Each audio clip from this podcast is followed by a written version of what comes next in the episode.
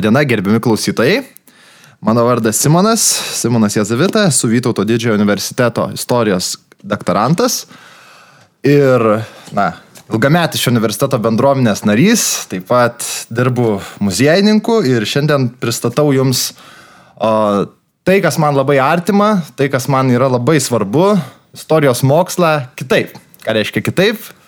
Kitaip reiškia šiek tiek populiaresnė kalba, šiek tiek galbūt ir nevengiant ir kai kurių stereotipų, bet bandant juos analizuoti, bandant juos paaiškinti, bandant apie juos diskutuoti. Ir man labai malonu, kad mano alma mater Vytauto didžiojo universitetas suteikia galimybę uh, bandyti pasiekti žiūrovą šiuo podkasto, tinklalaitės pagalba ir su manimi yra mano senas bičiulis Matas Toliušis. Taip pat e, mes kartu krimto mokslus, čia su, universitete susipažinom, tapom gerais draugais. E, Matas yra ir taip pat VDU alumnas ir e, profesionalus gidas, kuris išnaudoja istorijos žinias praktikoje, bendraudamas su lankytojais Lietuvoje ir už jos ribų ir kartais kitaip mato vėlgi tuos objektus, tuos istorinius įvykius, mato iš tokios populiaresnės perspektyvos temos, kaip žmonės juos reaguoja, kas žmonėms yra įdomu. Ir šiandien iš tikrųjų mes na, bandyt, bandom pristatyti savo uh, laidą, sumanimą, kuri vadinsis kaip matai. Labadiena. Praeities rėžiai. Taip ir tas pavadinimas viską iliustruoja, atspindi, ką mes norim pasakyti. Jau Simona šiek tiek pristatė, kad mums svarbu pasiekti klausytoją, daugiau klausytojų galbūt negu įprastai. Ir Vyto didžiojo universiteto pagalba mes tą bandysim padaryti. Ir šiandieną pirmoji mūsų tema yra būtent apie koncentracijos stovyklas, laikino izoliavimo vietas ir, ir bandysim šitą temą iš ko daugiau kampų paimti. Tai Simonai, pradžiai gal apie patį, pačią podcast'o idėją, kai kuo mes siekiam šito podcast'o jau pasakėjai, bet būtent koncentracijos stovyklos intro. Taip, kodėl šiandien šita tokia e, gana žiauri tema, ar ne? Na, iš tikrųjų, aš per savo patirtį kaip istorikos susidūriau ne vienoje vietoje, kad žmonės domina, traukia, visgi tie šurpus dalykai, norisi paaiškinti, kodėl mes kartais kaip žmonėje pasukam tokiu keliu, na, tikrai nuprotėjimo keliu, žiauriu keliu, ar tai yra mūsų prigimtyje, ar ir civilizacijos, tam tikri nuokrypiai ideologijos, kartais paryškina tuos dalykus. Be abejo, visus šios klausimus mes ir šiandien atsakysim, bet tikslas yra e, pirmiausia pristatyti ir tam tikrus tyriejų darbus, mūsų kolegų darbus. Kitose laidose kviesim ir daugiau svečių, o, o šiandien kodėl būtent ši tema mums pasirodė tokia svarbi aptarti. 75 metai nuo labai žiauraus įvykio, kertinio įvykio, sakyčiau, 20-ojo amžiaus ir visoje žmonijos istorijoje antro pasaulinio karo pabaigos. Ir prasidėjo tie uh, įprasminimo, įamžinimo renginiai ir ne nuo sausio 23 dieną, kada minima Aušvico koncentracijos stovyklos išlaisvinimas, ar ne. Ir būtent ko gero tęsis ir toliau. Balandžio 11 bus labai svarbi diena minimam kontekste, kada minimas Buchenvaldo koncentracijos stovyklos išlaisvinimas ir tai yra diena skirta pagerbti visoms koncentracijos stovyklų aukoms. Na ir be abejo, gegužės mėnesį, gegužės 8 dieną visa Europa minės antro pasaulinio karo pabaigą Europoje, nes pasaulinis karas juk baigėsi rugsėjo 2, kada kapituliavo Japonija. Kartais tą irgi pamirštame. Tai kaip e, trumpai jau pristačiau, visi šie metai bus tikrai labai svarbu, labai suksis apie antrą pasaulinį karą. Mūsų akcentas šiandien irgi bus antras pasaulinis karas, jo metu veikusios koncentracijos stovyklos Lietuvoje, Europoje, o kartais ir už jos ribų. Bet ši tema yra labai svarbi iki šių dienų. Na, pabandysim prieiti, pabandysim suaktualinti, parodyti, kad tai ne vien tik skaudus, žiaurus istorijos įvykiai. Labai negerų dalykų ir dabar vyksta pasaulyje ir mes privalome suprasti juos ir kartais užjausti tą kenčiantį.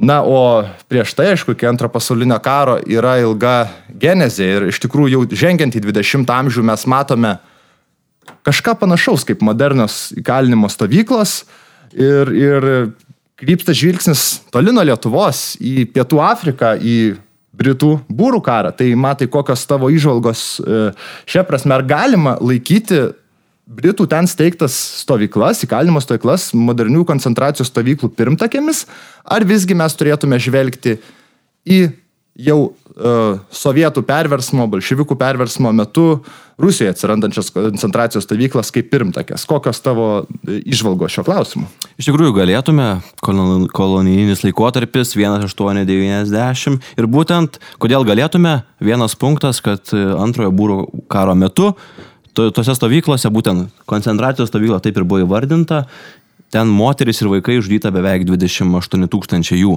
Tai sugretinus ir antro pasaulinio karo stovyklas, tai ar tai koncentracijos stovykla, ar tai yra būtent priverstinio darbo stovykla, ar tiesiog mirties vietos, mirties stovyklos. Tai būtent jau tas, tas akcentas, kad ten žuvo žmonės. Ir tai buvo svaryti vieną, vieną apsvertą teritoriją, kad negalėtų laisvai judėti.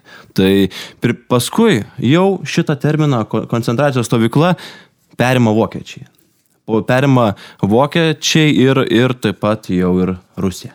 Rusija, kurie, kurie, kurie pasigauna, kad, kad, kad kaip gerą priemonę žmo, tam tikram nepatogių žmonių, uh, nepatogių žmonių uh, visuomeniai uh, izoliavimui. Ir būtent 17 metai Rusija. Ir paskui jau aišku vėliau 31-933 jau ir Hitlerio Vokietija perima tų stovyklų tokį kaip tikrųjų, e, na, mes matome tam tikras užuomaskas, ar ne, e, kadangi Britų imperija turėjo tokį nemažą tikrai technologinį lygį potencialą ir kitos valstybės stengiasi ją pasivyti, jai prilygti ir šioje vietoje irgi matom tą Britų, Britų ženklą. Vėliau matom Vokietijos, kuri kvepavo ją į nugarą pastangas, ypač Namibijoje, tam tikrose Afrikos kolonijose vykdant, vykdant panašias veiklas, bet toks sisteminis ir gana efektyvus visų, sakykime, žmonių, kurie yra netinkami pagal ideologinius tos valstybės akinius uždarimas, aišku, prasideda Sovietų Rusijoje po bolševikinės revoliucijos ir aišku, Vladimiras Leninas ir Levas Trotskis bus pagrindiniai iniciatoriai, autoriai šių, šių, šių koncentracijos stovyklų moderniaja prasme, kurias mes matome, ar tai būtų Solovkai, ar vėliau atsiradęs Gulago archipelagas, kaip pavadintų, aišku, Aleksandras Solženicinas, kurio, na, knygas, tikiuosi, mūsų klausantis yra bent jau girdėję, o dalis gal ir paskaitę, nes tai tikrai suteikia be galo daug peno apmąstymam, ypač aišku, na, tas pirmas tomas toks sukrečiantis, sukrėtęs to meto visuomenę. Tai be abejo, tuo metu labai stipriai plėtėsi tas tinklas, Josifui Stalinui atėjus į valdžią labai greit buvo suprasta, ar ne, kodėl, kokie, kokios galėtų būti priežastys, na, pabandykim panalizuoti, e, kodėl priešai, ar ne, tam tikram režimui visais laikais buvo svarbus, jie buvo naikinami, ar ne, e, buvo jų bijama, buvo prieš juos daroma propaganda. Kodėl būtent dabar tokiu mastu pradėta izoliuoti, internuoti? Reikia atsigręžti tarpukarį, kai ne viena valstybė tampa autoritarinė. Ne totalitarinė, bet autoritarinė ir tam tikros jėgos, kaip ir Lietuvoje, tarkim, Antanas Metonos režimas, nusprendžia, kad jie, kad jie turi teisę ir gali suvaržyti savo piliečių teisės. Tai ir būtent, nes dar neikime į antrą pasaulinį karą, bet sugrįžkime į tarpukario Lietuvą, pradžioje demokratinę valstybę įkurta ir nuo 1926 Antanas Metonas režimas. Jeigu 19-23 metais veikia toks internavimo punktas aukštoji Fredai Kaune, kur, kur tiesiog neapsimės karo metu turime Lenkų, Lenkų karo belaisvius, kuriuos, kuriuos reikia izoliuoti, nu jau varniai Toliau, Antanas Petonas režimas, 26 pabaiga, 27 Varnių koncentracijos stovykla. Ir nepalankus piliečiai ten galėjo patekti, kaip jokauja Modestas Kodys, mūsų buvęs dėstytojas, galėjo patekti ir, žinoma, komunistai pirmiausia, nes nepalankus Lietuvos režimui, bet ir galėjo patekti galbūt kažkoks studentas, kuris tiesiog pasisako ne taip apie Antaną Smetoną. Ir taip, kas keiščiausia, ir, ir tarkim, krikdemai prieš, politiniai priešininkai taip pat galėjo labai lengvai į dabar žemai, žemaitijos esantį viskupystės muziejaus pastatą patekti ir būtent tenais gyvenimas sąlygos e, buvo netokios gal ir baisios, bet tai buvo izoliavimas nuo visuomenės. Ilgesniam ar trumpesniam laikui. Tai iš tikrųjų šioje vietoje, na, tarpukario Lietuva mus tikrai labai domina, mums tai yra artimas laikotarpis ir daug ko mes remiamės. Čia labai tokia įdomi pamoka ir man, na, kyla mintis, iš tikrųjų, Modestas Kodys nemažai buvo šią temą išnagrinėjęs ir vienas bene perliukų, kad čia paminėta buvo tie patys krikdemai, kurių ne vienas vėliau atsiduria kaip jau varniuose kalinami, tiesa, gana švel, švel, švelniai kalinami, nepatiria ten nei, nei jokių būdų nei fizinių bausmių, nei kažkokių kito žeminimo apraiškų, kurios būdingos yra vat, tokio tipo stovyklams. Bet teko girdėti, kad dar 20-aisiais, prieš šimtą metų mūsų valstybei kūrintis ar ne, na, ta pačių krikdemų tarpe buvo tokių, kurie agitavo, kad Lietuvoje reikia būtent tokio tipo stovyklos. Tai matai gal kažką apie tai. Tai būtent 20 spalio 8 diena, kai būtent krikdemų atstovas paskelbė tokį atšaukimą, kad valstybėje pilietis turi suprasti tam tikras teisės arba, tarkim, ne, neparankus ak akcentai visuomeniai, turi suprasti, kad kad, kad na, jie, jie negali taip elgtis. Tai kaip tampa administracinė bausmė. Tai ir pabrėžia Modestas Kodys, kad tai daugiau administracinė bausmė, nes varnių stovykla, būtent nuo 26 iki 31-2, tai nebuvo kažkoks, kaip mes įsivaizduojam, koncentracijos stovykla, priverstinio darbo ar žiaurių sąlygų, netgi bado sąlygų režimas. Ne. Tai yra tiesiog izoliavimas ta tavo, tavo izoliavimas, tavo galbūt judėjimas iš vienos vietovės Lietuvos į kitą e, susuvaržymas ir net jokauja, kad būtent, e, kad galėjai netgi buvo bibliotekų tenais, netgi bausmes įsteigdavo tokias bausmes kaip e, šak, žaidimas šachmatais, knygų skaitimas, čia jau daugiau kriminaliniams momentams, čia būtent cituoju iš modestą darbų. Tai, tai kaip juokauja, tai reikia pabrėžti būtinai, kad tarpukario Lietuvos, va, būtent tos stovyklos, galbūt tik tais Dimitravo, jau 36-9 metų ir pabradės atvejai, kai yra priversnio darbo stovyklos, tai tampa jau kriminaliniu, ten jau siunčia kriminalinius nusikaltelius ir juos verčia dirbti jos verčia dirbti ir tenais, bet režimas būna ganėtinai e, toks jokingas. Kaip šiandien Simonai rodžiau, e, šeš, šeštą valandą atsikeli, susitvarkai savo lovą, paskui aiškurikiuotė, patikra, e, tautos himnas, penkias valandas padirbi, tada pusantros valandos pietus ir polisis, keturias valandas padirbi, tada valanda žygis iki, iki stovyklos vietos, vakarienė, tada liuoslaikis, kai tiesiog pabūni lais, laisvų metu. To liuoslaikiu dažnai netgi iki tokio komunistų veikėjai tiesiog iki tokio lygio naidavo, kad netgi revoliucinius šūkius mokindavo arba ideologinės paskaitas vesdavo, už kuriuos juos net nenubausdavo tas keiščiausia, iš tikrųjų, koncentracijos stovykla, bet vienas tik atvejis buvo, kai penkis, būtent tos komunistus žadėjo mirties karo lauko teismas, nuteisė mirties bausmę, bet ir tai išteisino.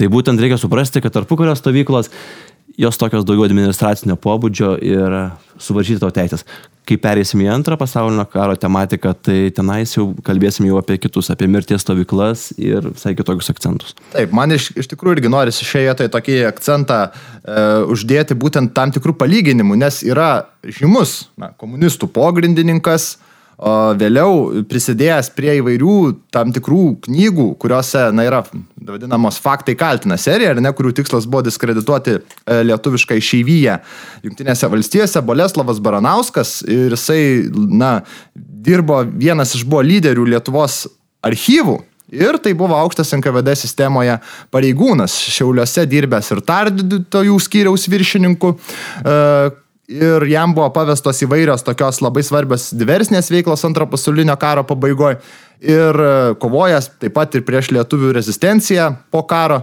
Ir matom, kad Baranauskas yra palikęs tam tikrus atminimus apie E, Dimitravą, kur irgi įskalėjo ir labai švelnios ten sąlygos. Na, kad tokias sąlygas būtų gavę, ką prašo Baranauskas, kaip tam tikrą fašistinės Lietuvos, na, žiaurumą, tai jeigu tokias sąlygas būtų gavę tie, e, kuriuos vėliau pats Baranauskas siuntė į Gulago salyną, tai, man atrodo, būtų džiaugiasi. Ten jis yra prašo ir kaip vyno aš kažkur susiveikė, atsigėrė ir kaip, ką ir Matas būtent. minėjo, tuos e, šūkius, kaip kitus kalinius bandė ir jiem knygelės dalindavo komentuoti interno, bandė atversti į, na, jo nuomonę teisingą kelią, tai iš tikrųjų, vat, ta, tai lieka.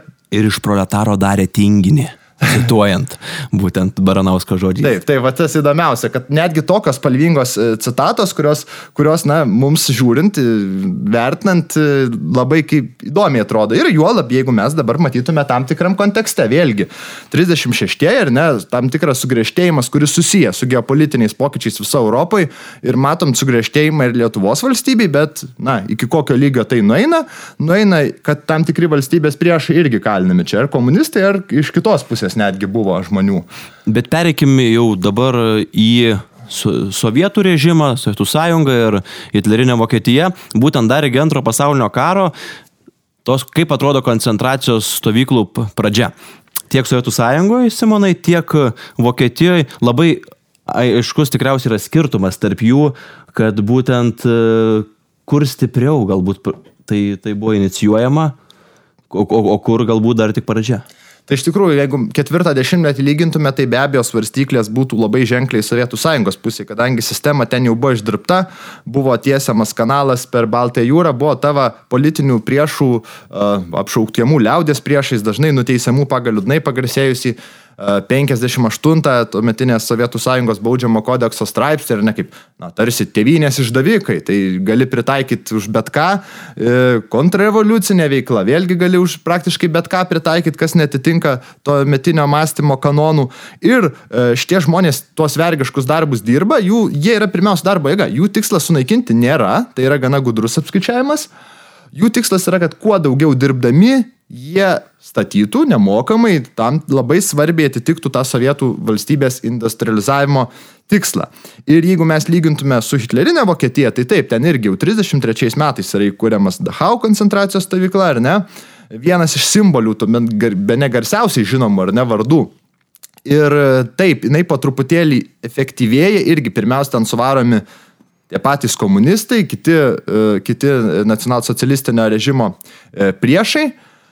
Tačiau iki pat realiai karo veiksmų iki 39 metų, tai labai labai dar galim tik tai lyginti tik tais iš dalies, nes uh, apie 20, na, remiuosi Timothy Snyderio garsaus istoriko ar ne darbais, tai apie 20 tūkstančių žmonių kali 39 Vokietijos koncentracijos stovyklose, Sovietų sąjungos tuomet kali apie e, milijonas, na tai matom 50 kartų e, didesni skaičiai, tai kurie tikrai, tikrai glumina, aišku, karo metas keitė padėtį ir, aišku, nacionalsocialistinė Vokietija, kuri įsivelia į karo veiksmus įvairiose Europos vietose, be abejo agresyvina savo politiką ir atsiranda vis naujų ir naujų režimo priešų, kurie atsiduria ir papildo, išplečia Vokietijos koncentracijos stovyklų tinklą. Tai gal ir prie to pereiti reikėtų. Tai tikriausiai nesumeluočiau pasakydamas, kad Anas Appelbaum žodžiais, kad būtent į koncentracijos stovyklas tu papuldavai ne dėl to, ką tu padarėjai, o dažnu atveju dėl to, kas tu esi jeigu perinam prie antro pasaulinio karo temos,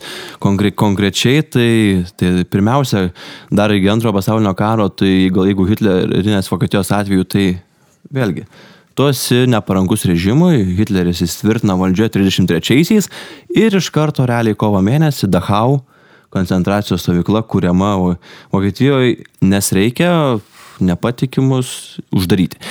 Paskui, iš, iš tikrųjų, ir kitas dalykas, dėl to, kas tu esi, kitas dalykas, kur. Bet būtent tas pats Timothy Snyder iškėlė tokius, tokius, tokį terminą, savoką - krūvino žemės. Krūmino žemės nebuvo Vokietijoje. Koncentracijos stovyklų tinklas nebuvo išplėtotas pačioje Vokietijoje. Labai gudriai buvo viskas perkelta į Lenkijos, Ukrainos, Baltarusijos, Baltijos šalių teritoriją. Jeigu eitume į Sovietų sąjungos pavyzdį, Tai jau galbūt šiek tiek kitaip, nes, nes jie visoje savo socialistinėse respublikose labai, labai stipriai tą išplėtė ir, ir jie pirmiausia savus piliečius skriaudė. Pirmiausia, palėtė savus piliečius. Jeigu mes jau sugrįžtume dar anksčiau į 33-uosius nuo bado akcijų Ukrain, Ukrainoje ir paskui 37-38 metų jau ir tero, to, tokį masinį terorą prieš savo piliečius ir galiausiai nueina į antrą pasaulinį karą, kai jau imasi kitų. Pirmiausia, tai yra Lenkų. Lenkų, nes pirmas pasaulinis karas prasideda, antras pasaulinis karas prasideda būtent 39 metais rugsėjai, kai iš abiejų pusių. Lenkija būna palama Hitlerinės Vokietijos ir Sovietų sąjungos ir tuomet tada 40, iki 41-ųjų Lenkų karininkija, visa inteligentija kenčia nuo, nuo jau koncentracijos stovyklų, kol galiausiai 41-ųjų etapas kai, kai pasikeičia jėgos, nes Hitlerio Vokietija apgauna Sovietų sąjungą ir puola savo buvusią sąjungininkę. Ir tada jau mes matom visai kitokius akcentus. Įdomu yra paminėti, galbūt mes kalbėsim daugiau apie apie esančias stovyklas Lenkijoje, Lietuvos terorijoje, bet mes galbūt maž, mažiau žinom to, to, tokius mažesnius atvejus kaip Austrijos, kai Mauthausenas Tai konkrečiai mirties stovykla, kur nuo 38 iki 45 metų veikusi stovykla, kuriuose įdomiausia yra akcentai paskaityti būtent vat, žmogiškų istorijų. Žmogiškos istorijos, kur kalbama apie laiptelius, toje stovykloje iš mirties 186 laiptelių kilimą ir nedaug dievė tu nukrisi nuo vieno laiptelio, reiškia, tu nebesi stovyklos narys ir tave gali nuvesti sušaudyti ir tu neši granito blokus, kaip jau Simonas minėjo. Granitas, granito kasykla ir pritaikomas būtent darbams ir, ir Mauthausenas buvo tam pritaikytas. Kitur, kitaip, la, kitose stovyklose galbūt kaip, kaip Salaspilis, Latvija. Tenais moterys, vaikai ir nepatikimi taip pat vad, vad, Stalak 350 stovyklos pavadinimas įkalinami ir būtent nuo 41-ųjų tas atramos punktas, kai, kai pačios žiauriausios stovyklos tikriausiai reikėtų nuo 41 steigiamos. Ir kur, ir kur jos teigiamos, kaip, kaip Sovietų sąjunga elgėsi 41-44 laikotarpiu, gal šiek tiek semanai aptark.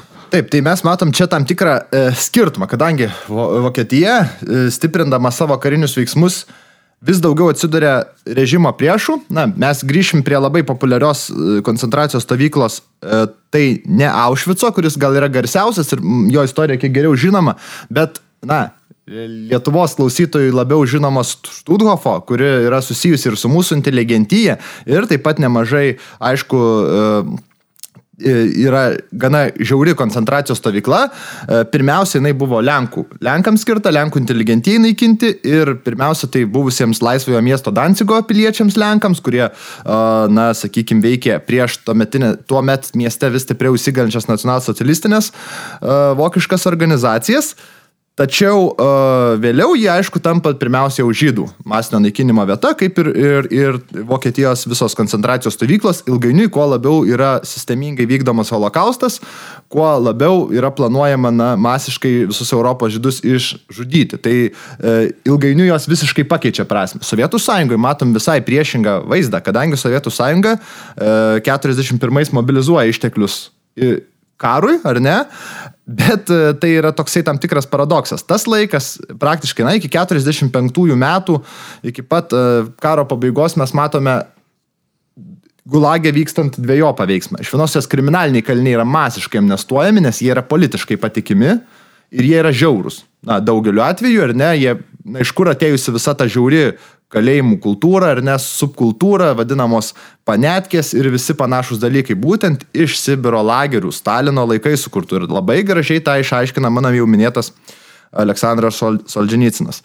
E, ir e, šitą liūdną fenomeną. Tačiau daug tų žmonių yra paleidžiami į frontą, nes politiškai yra patikimi. Tuo tarpu politiniam kaliniam išlikusiems sąlygos yra tikrai labai žiaurios karo metu, nes sumažėja tiekimas, sumažėja maitinimas, labai stipriai padidėja mirtingumas ir tie metai yra tragiškiausi gulagė vis, visų tautybių gulagė uždarytiems kaliniams.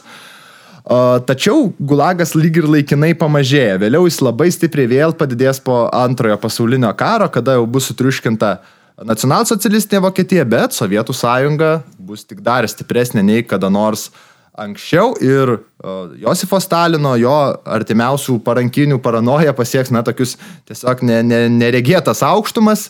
E, ir, ir aišku, apie tai mes dar tikrai aptarsim, bet dabar na, norėtųsi vėl man natūraliai sugrįžti, man tikrai paliko įspūdį, ne kartą esu ten buvęs, prie turbūt garsiausios, na, Balios Rogos kūrybos dėka išgarsintos uh, koncentracijos stovyklos Štuthofo ir, ir, ir, na, ne vienas tikrai čia mes ir universitete diskutavom su, su profesūra, ne vienas minėjo, kad iš tikrųjų jeigu Valys Ruoga nebūtų sovietinės cenzūros suvaržytas, jo kūrinys būtų tikrai patekęs į pasaulinės literatūros klasiką, kol dar tikrai nebuvo tiek daug tų atsiminimų. Tokia forma parašytas, kada skaudus dalykai pristatomi tam tikrų juokų ar ne uh, tam tikrų sarkazmų ir, ir labai daug įdomių žinomų asmenybių, ar ne, kartais ir kontroversiškų asmenybių buvo Štuthofe, ar ne? Tai...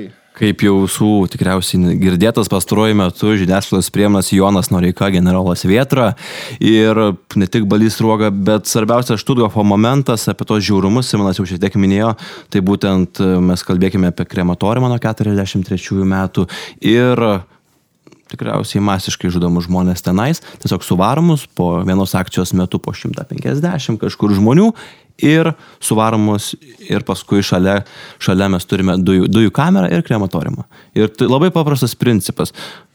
Kaip, kaip įsivaizdavimo ir eksperimentai su žmonėmis, taip, taip pat vykdomi eksperimentai ir vienas iš jų - muilo gamyba iš žmonių kūnų.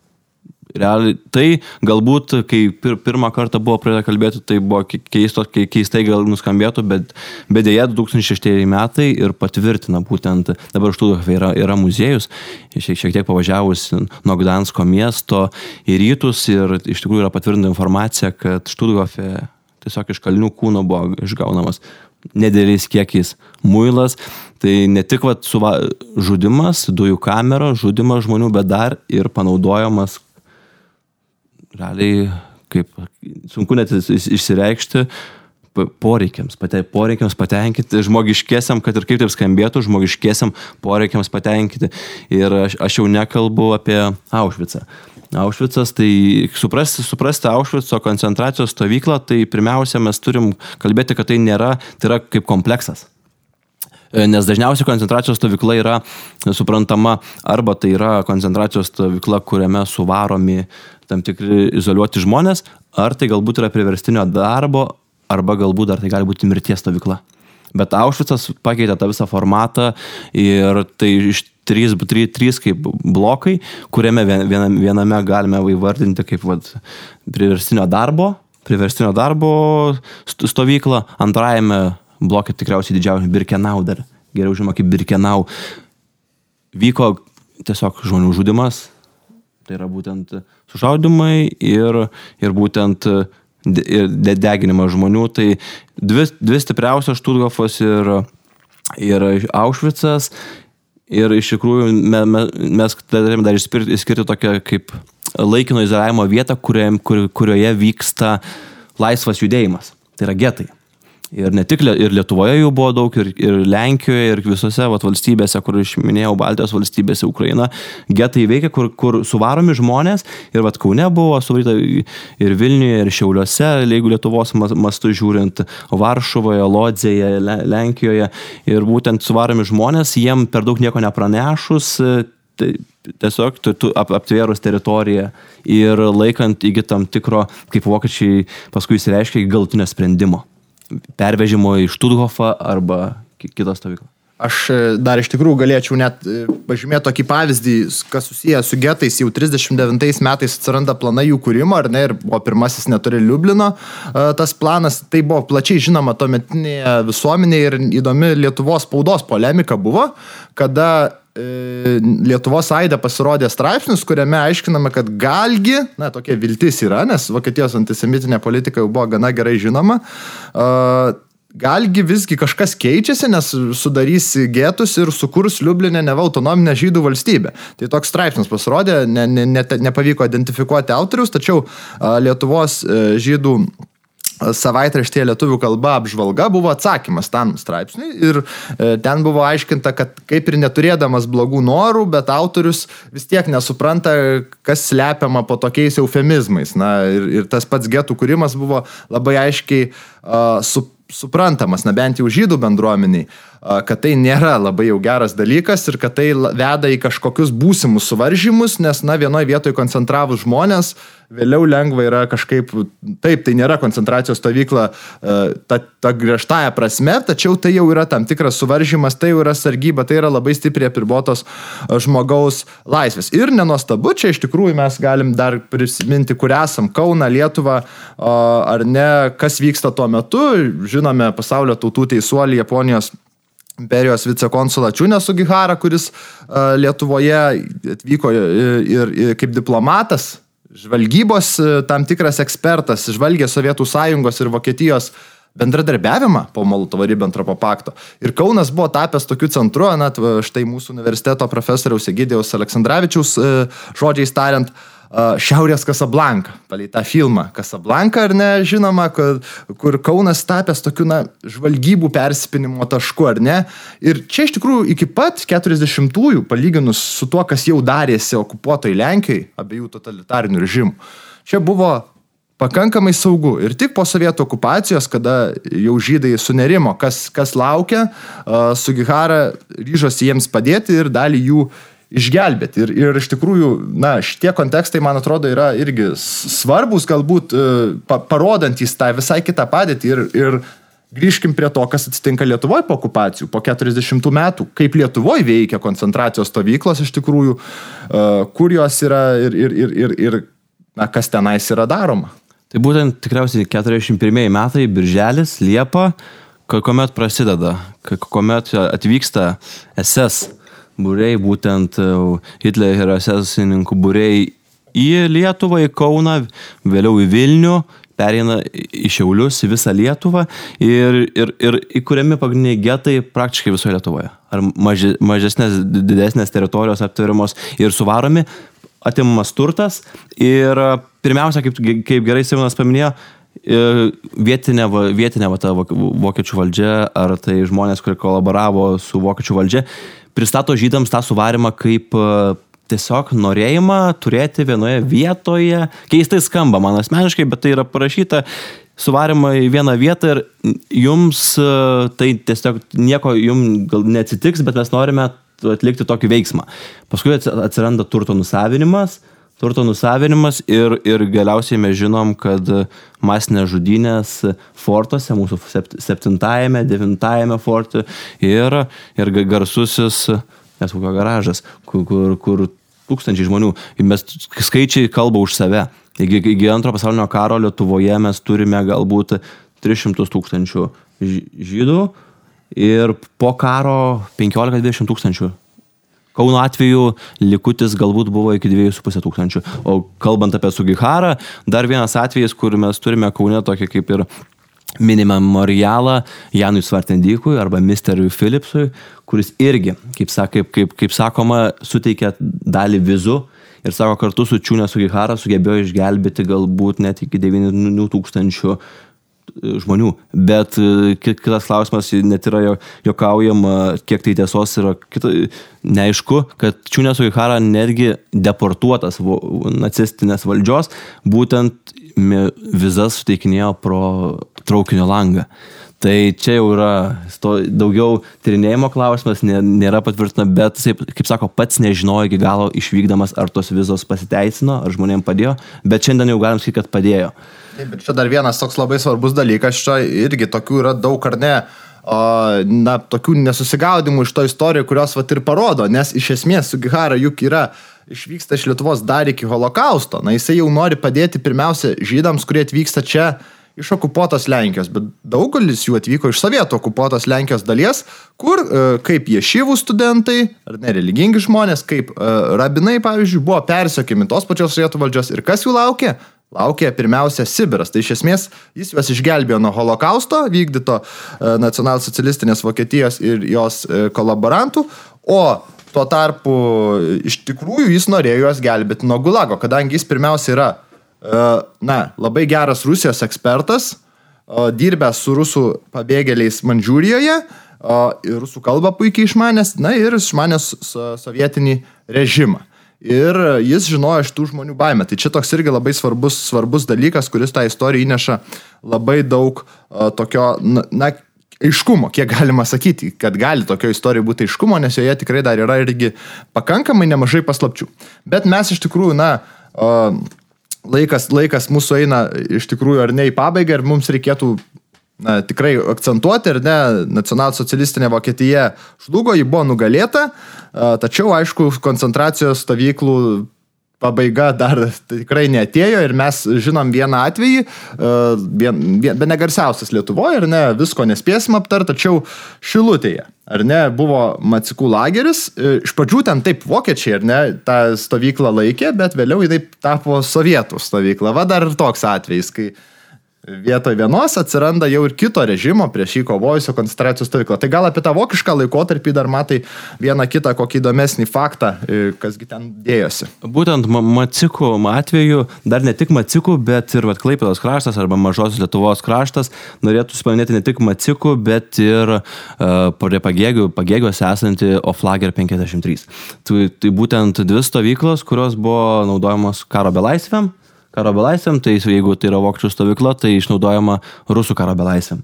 Pirmiausiai, tai turėtų būti karininkam, bet faktas, kad e, varė ir kareivius tenais, tarkim, jeigu prie pagėgių atveju apie 10 tūkstančių žmonių tenais, rusų, rusų žudyta ir dabar ten yra memorialas, kur, kurio, tarkim, nėra Google Maps, gali tik tais pravažiuodamas pavėgius pamatyti, kas irgi šiek tiek keista, bet viskas tvarkoje.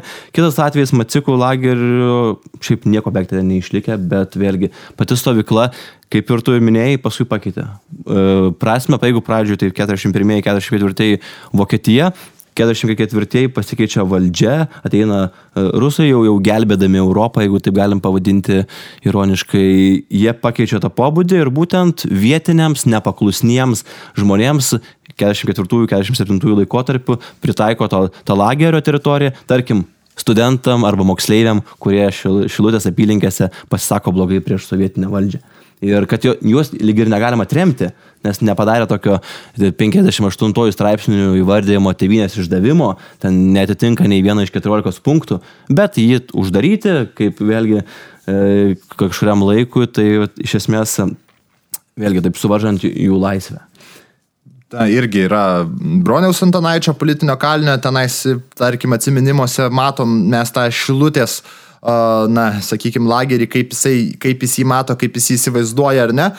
Tik tai va dar irgi labai tam tikras, tam tikras elementas įdomus ar ne, na, tie totalitariniai režimai, kaip jie kartais yra susipinę, ar kur yra ta pamoka, jų tokios abipusės nepykantos ar ne, mes matom net ir Kaune. Prie šešto forto mažai, ką žino net kauniečiai, 30 tūkstančių sovietinės kariuomenės karių raudonarmiečių buvo praktiškai numarinta uh, E, badu, ar ne, na, tai irgi labai žiauriai elgiantis su belaisviais, nors su amerikiečiais ar britais buvo elgiamasi visai kitaip iš tikrųjų, buvo elgiamasi daug švelniau ir Raudonasis kryžius jiems siuntė davinius. Čia, kadangi Sovietų sąjunga, na, iš dalies ir pati kalta, įvant atsakomybę jos vadams, Josifui Stalinui be abejo, e, kadangi nebuvo pasirašusi Ženevos konvencijos ir, ir, ir, ir tai leido su jos kariais elgtis, na, sena tokia tradicija, ar ne? Pralaimėjęs karys, jau pasidavęs karys, jau yra nebe karys, jo likimas yra praktiškai nebesvarbus. Tačiau uh, irgi labai žiaurus atvejais, aišku, vėliau tas kerštas buvo beribis ir tą rodo rytprusių pavyzdys, ar ne, rytprusiuose taip pat buvo steigiamos suvarimo stovyklos vietiniams gyventojams jau po karo. Ant rytprusių atvejais, Konigsburgo sritis ar paskui pertvarkytas Kaliningradas, kurį mes šiandien žinome. Labai tokia tema, kuri tik dar palyginus labai nesnei tyrinėta, e, yra apie Vilko vaikus, apie rytprūsių gyventojus, kurie buvo vietiniai vokiečiai, kurie buvo arba lietuviai, kurie buvo išvaryti iš savo gimtųjų žemių. 46 metais atvykus Sovietų, Sovietų, Sovietų sąjungai ir būtent pasakius, dabar tai yra Kaliningradas ir suteik, sudarant sąlygas tokias, kad badas, badas, ne, darbo nedavimas, iš tikrųjų prie, prie, prievartavimai, žudimai už menkiausius dalykus. Ir būtent ten taip pat buvo koncentracijos stovyklos, laik, laikinos koncentracijos stovyklos, tarkim, Kaliningrade, Įsirutėje, Tolminkėmėje, kur būtent laikė sovietinė valdžia iki, iki išvežimo. Ir 48, 9, 50 laikotarpiu buvo paskelbta, kad būtent jūs turite galimybę grįžti į Vokietiją, taip, nes tai istoriškai, kaip pristatė Sovietų sąjunga, buvo slaviškas kraštas. Ir būtent ta akcija realiai praktiškai didžiąją daugumą, jeigu visų vokiečių vietinių išvežė. Per realiai 2-3 metus buvo išvežti ir dabar šitas, nuvažiavus šitą kraštą, jeigu kažkam teko būti, tai tikriausiai sunkiai atpažinti be architektūrinių paminklų, sunkiai atpažįsti, kad ten pasakytum, kad ten būtų buvęs senasis rytprūsių arba vokiškas kraštas. Ir, o patys Vilko vaikai, tai labai rekomenduoju pabaigai galbūt Rūt Kibelką knygą. Kuri remiasi tyrimais ir rašo nuo pradžių iki galo, kaip kraštas buvo pakitęs, kaip vokiečių tauta tiesiog turėjo išsikelti iš, iš Kaliningrado srities. Ir pabaigai galbūt norėtųsi apžvelgti, va, Simonas turi neblogą argumentą, kaip šiandien. Mes galim sakyti, kad tai buvo jau prieš daugiau negu 70 metų, bet ir šiandieną. Ar, ar egzistuoja tokie dariniai ir šiandieną? Nes istorija turi būti reikalinga, kalbėti apie ją reikia tada, jeigu reikalinga šiandieną. Tai ar mes turim pavyzdžių šiandieną moderniam pasaulyje, kur kažkur suvaržomos taip teisės, va, va tokiu būdu, kaip koncentruojant, izoliuojant.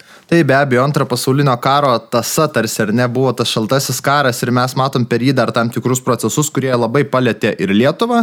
Pavyzdžiui, tikrai 48-aisiais tas laikotarpis, kada dar suintensyvintos buvo represijos Sovietų sąjungai, mes matom ir didžiosius trėmimus iš Lietuvos, taip pat itin daug lagerio, e, lagerių kalinių, Gulago salino kalinių tampa būtent lietuviai, procentaliai jų kiekis yra tikrai labai didelis ir istoriko Arvido Nušausko ir kitų tyrimuose tai yra išsamei uh, nurodyta ar ne. Ir mes uh, matome, kad tikrai Baltijos šalių gyventojai, na, lietuviai ypač net išsiskiria procentaliai e, tuo metu ukrainiečiai iš vakarų Ukrainos regiono, tai partizaninio pasipriešinimo da- dalyviai, jų rėmėjai, jų šeimos nariai, na, labai milžiniškas kiekis.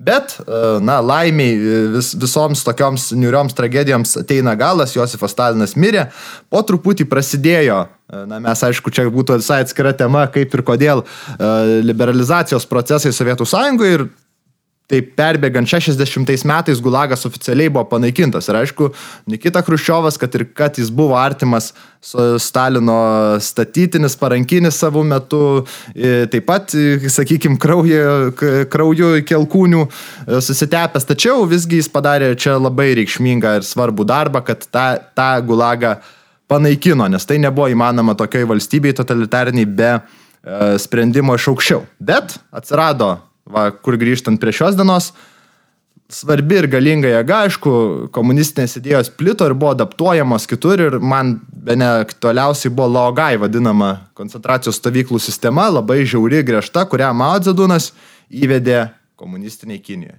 Ir su tam tikrom visgi pakaitom ar ne, bet šita sistema veikia iki dabar ir mes matome pasaulio žiniasklaidoje neseniai buvo kilęs nemažas pasipiktinimas iš ties dėl uigūrų, tai yra vakarinėje Kinijoje na, gyvenančios musulmoniškos mažumos persikėjimo ir jų uždarimo į koncentracijos stovyklas, kur skaičiai iš tikrųjų taip pat yra milžiniški. Jeigu mes sakytume, kad per Gulagą kai kurių skaičiavimais tyriejų perėjo iki 18 milijonų žmonių ar ne, kai kurie ir sako, kad ir daugiau, ir, ir, ir, ir tas žuvusių skaičius labai stipriai sviruoja. Bet mes ir dabar girdim, kad nuo milijono iki 3 milijonų žmonių netgi yra uh, perėję arba šiuo metu laikomi tuose koncentracijos stovyklose, kur taip pat vykdomi dalykai, kurie, na, mums jau taip uh, apibendrinant reikėtų pabrėžti, kad koncentracijos stovykla tai ne vien, ką mes čia uh, gal pradžioj laidos minėdami uh, Dimitravo, tą priverčiamo darbo stovyklą, kur polisis yra ir ta ar ne, bet va, tų totalitarinių režimų stovyklos, ar tai būtų nacionalsocialistinės Vokietijos, ar komunistinės Sovietų sąjungos, ar Kinijos, jos e, iš tikrųjų labai žiaurios prievartos schemos yra vykdomos ir prievartavimai, ir bandymas e, atversti žmogų, perversti jo ideologiją. Tai mes matome tuos, tuos dalykus ir be abejo mums reikėtų budriems būti, Uh, mums reikėtų atpažinti kartais šiais klausimais ir real politiką, ar ne? Nors tai liečia tikrai musulmonų mažumą, kurie prievartaujami, sakykime, gerti alkoholį, valgyti keulieną, moterys kartais yra prievartaujamos, na, šitie dalykai sulaukia tarp ir kitko ir Lietuvos, ir daug kitų valstybių pasipiktinimo, tačiau, pavyzdžiui, na, galingos Saudo Arabijos lyderiai dėl praktinių sumetimų su Kinija susiremti nepanoro, nors galbūt turėtų tą žodį. Ir, ir irgi tai kalba, kad ir šiandien, ir šiandieniniam pasaulyje yra labai svarbi ir real politik, ir kartais žmonės daro žiaurius, žiaurius dalykus ir mums reikia būti budriems.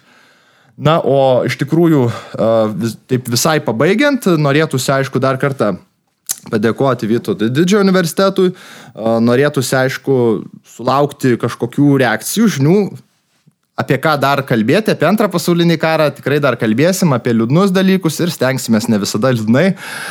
Na, praeities rėžiai toks dalykas, rėžis tai tarsi tas, kas lieka tau ant veido, ar ne, net jeigu su šakai įsipjoviai, tam tikras žymė, kuri aktuali tau ir praėjus daugeliu metų. Tai iš tikrųjų, na, norėtųsi dar pasakyti, kad kviesime ir kitus pasisakyti, turim daug tikrai mokslinių temų įdomių, pavyzdžiui, ne, neseniai apsigynė kolega disertaciją Gidijus Balandis mūsų universitete, kuris pažiūrėjo į išeivijoje vykusius lietuvių išeivijos procesus per sportą. Kaip sportas šiuo atveju ne tik konsolidavo išeiviją, bet jau lėmė jos įstraukimą į Junktinių valstybių gyvenimą. Labai įdomus reiškiniai, tokių yra daug ir mes apie juos tikrai būtinai pakalbėsim, o kol kas su jumis buvo Matas Toliušis ir aš Simonas Jezavita ir, ir na, lauksim jūsų reakcijų ir tikrai dar ne vieną temą karštą turim ir norim aptarti. Būtinai. Tai ką, taip ir norim pabaigti dainą, dainą savo podcast'ą tinkladę, pirmą pilotinę versiją ir jau Simonas labai plačiai čia viską apibrėžė. Laukiam komentarų ir praeities rėžiai susitiksim po kokių dviejų savaičių.